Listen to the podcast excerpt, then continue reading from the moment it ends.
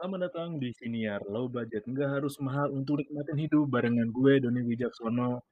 Gue masih trial sih untuk bagaimana posisi ngomongnya karena kan gue ada sedikit perbedaan mikrofon sama kabelnya juga sama filternya juga. Mungkin suaranya masih belum ketemu untuk yang lebih jelas tapi gue usahain ya yang gue ucap itu bisa dengan jelas di mikrofon. Dan banyak dan. Gue main. Ternyata sadar gitu beberapa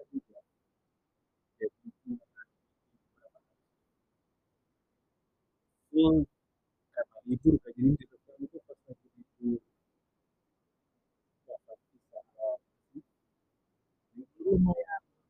pas itu ada juga satu minggu gue kebanyakan full di rumah. Gue berusaha untuk mengurus dan ternyata malah dan sih kalau jadi itu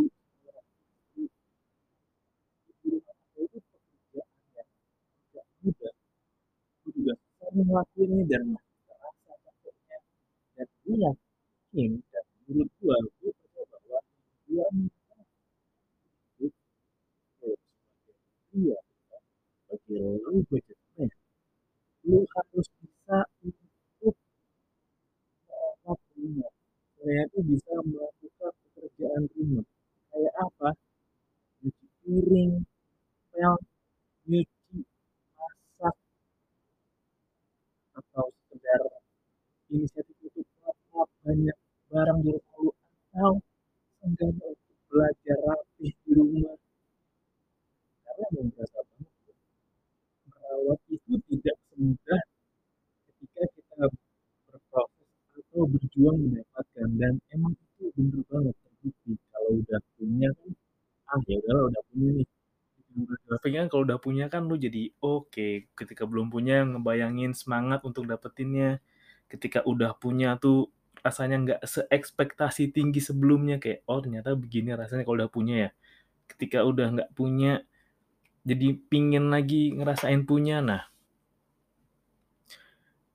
untuk di rumah untuk ngerawat rumah itu emang wah gue sering sih gue lumayan sering diomelin dalam hal ini. Diminta kesadaran untuk peduli. Diminta kesadaran untuk peduli kayak misal misal ya lu habis mandi lu balikin lagi anduknya di tempatnya entah di gantungan jemuran luar kayak atau di mana kayak jangan lu habis mandi masih ngegantung di pintu kamar mandi atau di pagar tangga atau lu taruh kasur itu kecil tapi nyebelin. Misalkan nggak apa-apa kok taruh di kasur anduknya. Ya iya lu taruh kasur di an eh taruh anduk di kasur. Anduknya masih basah lu mandi lu taruh di kasur. Kasurnya basah lembab jadi baunya nggak enak. Nanti juga lembab terus bisa nimbulin jamur dan kasurnya bau. Kalau lagi musim hujan itu ruang nggak kena matahari itu baunya nggak enak asli kalau lo tahu ketika lagi musim hujan kemarin aura lembab hawa-hawa lembab itu nggak enak loh kayak kayaknya emang manusia itu didesain untuk menerima sinar matahari dan udara gitu deh. Bukan udara lembab bukan udara yang debu emang udara bersih kena sinar matahari punya sirkulasi udara yang lancar. Emang manusia didesain buat itu. Ketika kayak hal kecil berantakan kayak tadi kayak anduk basah atau lu habis mandi terus lu enggak keset dulu di luar langsung habis mandi langsung jalan kan ada tuh. Ada juga biasanya orang habis mandi habis mandi lah gugur-gugur kayak kelar andukan terus cuma ngelap dikit langsung jalan. Masih basah itu emang nyebelin sih. Dan ketika lu sudah di rumah harusnya adalah lu punya kesadaran untuk sama-sama merawat. Karena emang untuk merawat sebuah rumah itu nggak bisa sendiri capek banget makanya gue suka sebel kalau ngeliat ada orang atau suami atau bapak yang masih marahin istrinya, masih nuntut istrinya nih itu ketika udah pulang. Padahal sesimpel gelas udah dibalikin ke tempatnya, disusun rapi, diorganisir biar gampang ngambilnya. Yang duluan kering taruh depan, yang agak basah taruh belakang. Terus kalau habis nyuci piring selesai ditumpuk susunannya sesuai biar nggak gampang piringnya pecah atau retak. Masih diomelin juga, "Lu ngapain aja seharian? Kok lu begini? Kok lu begitu? Kok lu dandan nggak rapi?" Gitu. Kayak, eee, entar dulu deh, gue nggak tahu kenapa gue bisa punya pikiran gini. Kalau menurut gue bahwa ya, karena emang mungkin karena pola didikan juga sih. Dididik bahwa ya lu harus peduli, lu harus tahu malah. Sesimpel kayak, mmm, contohnya gosok. Gosok itu emang nyebelin. Gue juga nanya ke beberapa temen cewek gue. Nyebelin namanya gosok. Kayak panas lah gitu atau, eee, gerah lah atau, ah, lama lah masih semprot-semprot kadang bau apa, parfum gosokannya nggak enak lah. Tapi emang lu harus bisa gosok, apalagi kayak cowok gitu. Gue dulu sempet yang belajar gosok aja gue di diomelin kayak, "Lu gosok ini mesti rapih di sini. Lu mesti tahu lipet bentuk lipetan tuh kayak gini." Dan bersyukurlah gue punya temen sohib gue yang ngajarin gue. Titik balik gue berubah untuk sadar untuk lebih bersih dan rapi adalah ketika gue kuliah, gue main ke tempatnya temen gue dan dia anak cowok satu-satunya di rumah, tapi bersih, rapih, dan terorganisir banget. Damn man, kayak sampai kita dulu suka nongkrong bareng tuh bercanda kayak, "Ini kayaknya kalau cewek diadu sama lu, gue rasa cewek bakal kalah rapih sama lu deh, bakal kalah telaten sama lu deh." Karena emang ketelatenan itu juga proses.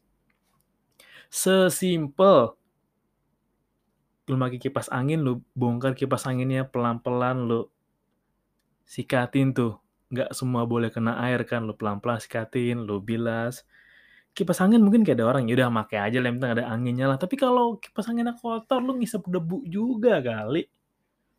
Atau meja, meja suka berdebu kan, katanya dilapin kadang atasnya doang, kacanya doang, tapi lu nggak ngelapin pinggir-pinggirannya, salah-salah antara kaca di meja sama yang di kayunya, atau bagian-bagian bawahnya. Ada tumpukan koran-koran yang nggak rapi. Mungkin emang alasannya, gue udah terlalu capek duluan nih, nggak sempet gue yang namanya ngatur-ngatur gitulah, ya udahlah gue serahin ke istri gue lah, atau pasangan gue lah, atau ya orang tua gue lah.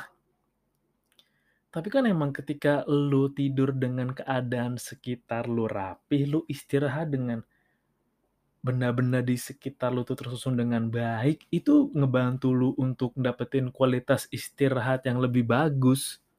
Ngebantu faktor yang secara nggak langsung. Sesimpel, lu tidur di kasur, lu pasang spray dengan rapih, itu ngebantu lu biar geraknya enak. Kalau spray lu lu masang spray berantakan kan, lagi gerak, nah nyandung.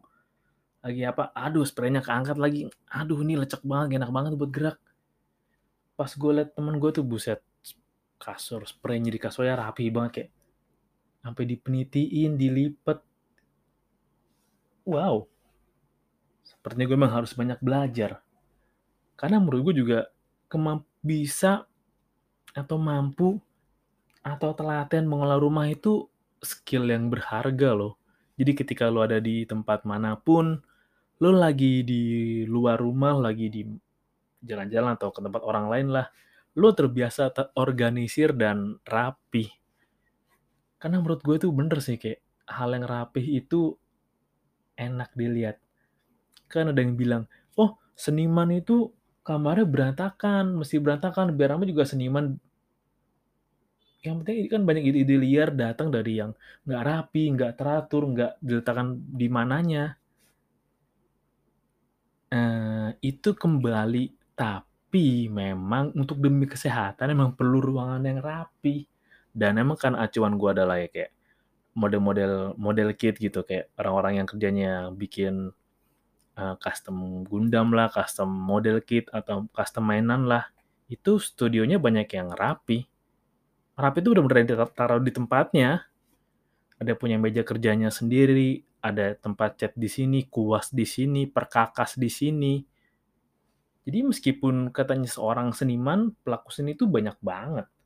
Nggak terbatas dengan seni lukis dan bla bla bla. Bisa juga jadi seni orang yang seni lukis itu hidupnya ya barang-barang hanya minimal hanya seni dan cat.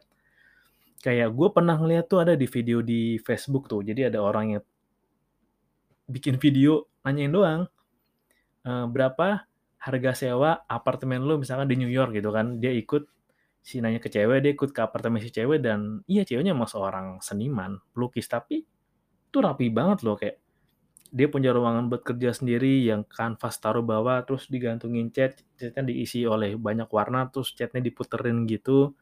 Jadi warna catnya kesebar random disusun ada banyak-banyak layar di sana dan bisa rapi juga kok. Bisa rapi karena emang ini gua oh gua pernah denger cuplikannya di YouTube. Jadi kayak kalau oh ini kata kayak antara yang bilang Martin Luther King atau siapa gue lupa tapi lu bisa jadi tahu bahwa ya ketika lu ingin merubah dunia lu harus bisa mulai dari diri lu sendiri ke hal kecil. Ingin merubah dunia rubah diri lu sendiri. Lu bangun tidur rapihin dulu kasur lu. Ketika hal kecil dari bangun tidur aja udah rapi lu bisa rapi gitu rapihin lipat spray lipat rapihin taruh bantal di tempatnya guling di tempatnya lu akan lebih mudah dan lebih mampu untuk nyiapin atau menyelesaikan tugas-tugas lain berikutnya. Karena emang semua tuh dimulai dari hal kecil. Dan gue suka sebel, lu tau gak yang gue sebel? Gue gak tahu kenapa ya, kayak ada orang yang gak bisa kan gak bisa gitu kayak ah gitu kan gue gak tahu ya tapi ini mungkin lu pernah ketemu dengan contoh ini di luar kayak kok kamu gak nyuci piring gitu? Ada suami istri gitu kan lu ngecuci piring. Enggak lah ada istrinya nyuci semua.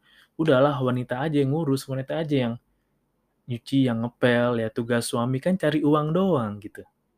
Gitu cari uang doang gitu. Enggak gitu sebenarnya sih. Menurut gua harus bareng-bareng harus kerja sama harus saling tolong menolong mengisi dan melengkapi. Bisa jadi. Mungkin pasangan lo skillnya di nyuci ya udah lu gosoknya lah meskipun lu bisa nggak bisa paksain gosoknya paksain. Ada juga misalkan uh, lu bisanya nyuci dia bisa gosok ya udah nggak apa-apa lo yang nyuci aja cuci harus bener kan? Tahu caranya ya habis cuci masuk masukin di mesin cuci kalau mesin cuci lo bagus nggak perlu lo bilas disiapin ember atau nggak perlu airnya banyak ya mesin cuci yang bagus yang airnya dikit ya lo peras seperlunya lihat kainnya kayak ini kayaknya nggak perlu diperas keras-keras kan dia berantar longgar lower sobek lu mesti pelajarin hal itu Contoh simple, contoh simple. Habis dari luar, lu copot sepatu, nggak dibalikin di tempatnya. Dengan alasan, ah males ah, bawa sepatu balik ke tempatnya. Toh besok juga pakai sepatu yang lama buat pergi kerja atau sekolah. Memang sih, memang.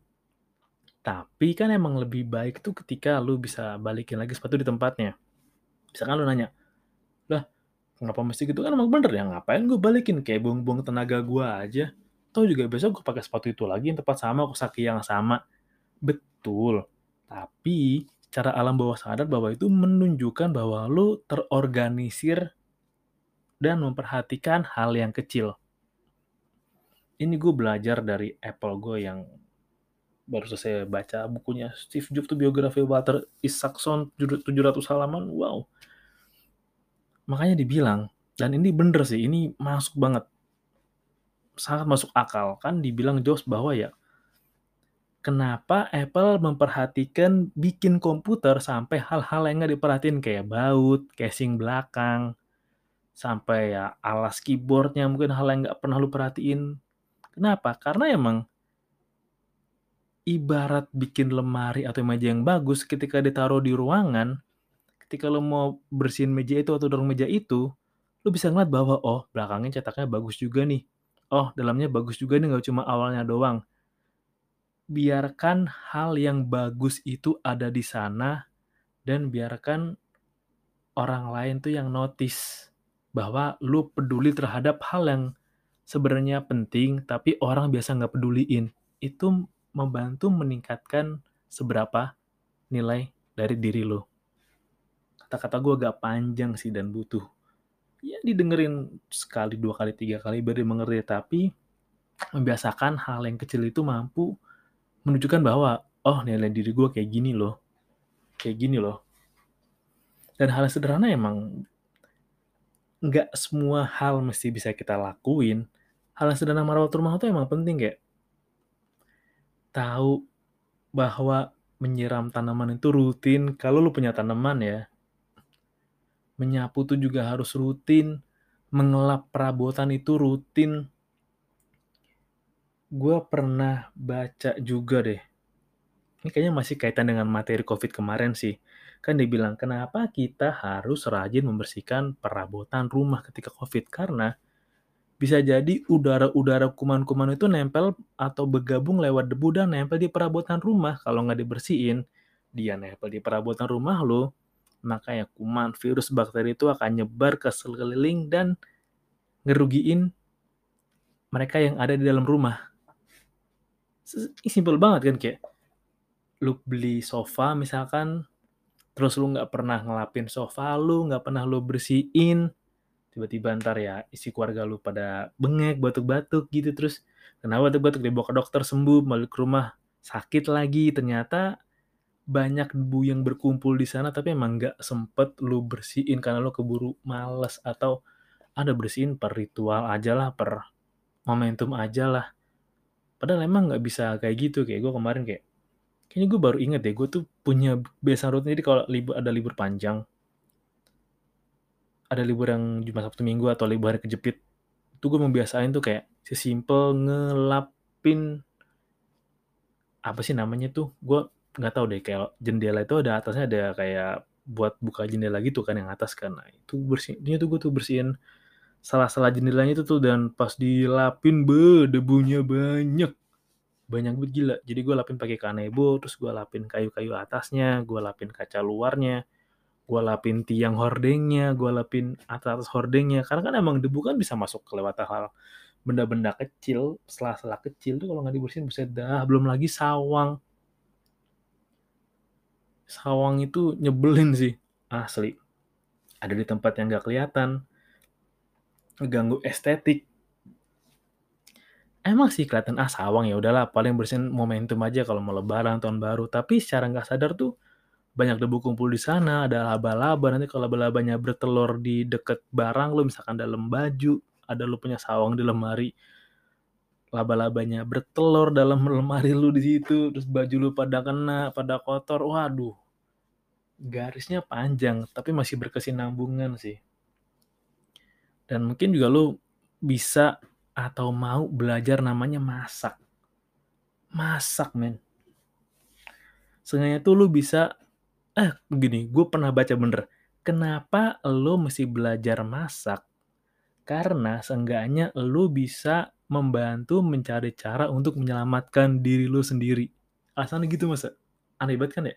Misalkan, lu kenapa sih lu kenapa sih mesti belajar masak? Oh iya yang penting gue biar gue bisa makan sendiri aja ya. Sebenarnya tuh secara lebih primitif, lebih ke belakang tuh mungkin kalau kita tarik ke zaman purba dulu kali ya kayak kenapa lu mesti belajar masak? Ya karena itu cara lu biar ngasih lu bisa ngasih makan ke diri lu sendiri. Lu habis berburu daging yang masih mentah, lu nggak tahu mau apa kan mesti lu olah, mesti lu ungkep, lu bakar kali deket api dulu belum ada minyak kan jadi udah deket api aja lu gulung-gulung-gulung gitu sampai matang dan baru bisa lu makan, itu kan lu berarti memberi makan ke diri lu sendiri.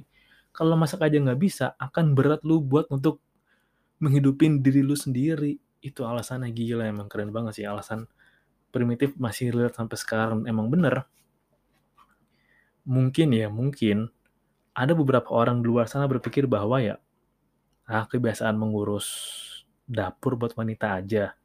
Menurut gue juga sebagai seorang pria kita harus turut andil ikut urusan dapur. Karena kita nggak tahu kapan lu sakit kan, kapan pasangan lu sakit, istri lu sakit kan. Mungkin, mungkin ya kalau masa kita tertentu tuh lo masih bisa harus masakin yang namanya bikinin bubur. Tuh bubur, lo mesti bisa bikinin kompres air panas, lo mesti masak ke dapur, ngerebus air, lo mesti bikinin teh takaran tehnya tahu kalau bikin teh segelas itu gulanya semana itu hal kecil loh. Karena kan lu nggak tahu kapan lu sakit, lu nggak tahu kapan pasangan lu sakit, lu nggak akan tahu kapan batas di mana lu masih bisa produktif kapan, atau kesehatan lu kapan, atau keadaan tiba-tiba berubah dan menimpa kehidupan lu kapan. Dan lu nggak akan tahu kan kayak kapan lu ngerasa sendirian di rumah dan gabut dan tinggal dengan barang-barang berantakan dan kotor itu kayak ew, gak nyaman banget, gak nyaman banget. Makanya gue minta lu juga mau lah, terutama para cowok, untuk belajar, mau belajar untuk ngerawat rumah. Belajar nyapu, nyapu emang susah tau, nyapu dan susah dan pegel, pegel. Tapi udah nyapu-nyapu tipis aja, nyapu-nyapu yang penting rata udah disapuin, udah habis itu ngepel, ngepel. Kalau ngepel bingung ngepelnya udah ngepel kering atau gue biasa ngepel basah aja sih, ngepel basah, basah-basah medium lah. Jadi biar kering kena angin. Seenggaknya tuh ketika lu lagi di luar negeri atau lagi merantau ke mana atau lu lagi berkelana ke mana lu sendirian, lu tahu cara untuk menjaga diri lu tetap aman, tetap bisa bertahan hidup lah. Dan itu penting sih. Hmm, ini pembahasan menarik dan bisa lebih panjang, tapi ya gue simpan dulu lah beberapa materi sambungan dari ini untuk episode berikutnya atau episode yang lain. Dan pokoknya gue harap lo jangan malas untuk belajar masak, belajar untuk nyuci nyuci piring terutama nyuci piring itu nggak gampang ya. Kalau sabunnya kurang, masih bau amis, bau bekas minyak, kalau sabunnya kebanyakan, lu nyuci gelas sabunnya kebanyakan, sabun cuci piring kebanyakan, lu minum aromanya sabun. gue pernah lagi anjir, goblok banget dulu asli. Itu sih mau gue share di episode kali ini. Dan lu buat cewek-cewek, lu minta pasangan lu buat mau lah ketika mau berumah tangga ajak pasangan lu untuk sama-sama ngurus rumah bareng jangan cuma di lu doang oke okay? karena emang kalian ngejalanin berdua harus kerjasamanya berdua juga Terima kasih udah dengerin dan salam low budget. Gak harus mahal untuk nikmatin hidup.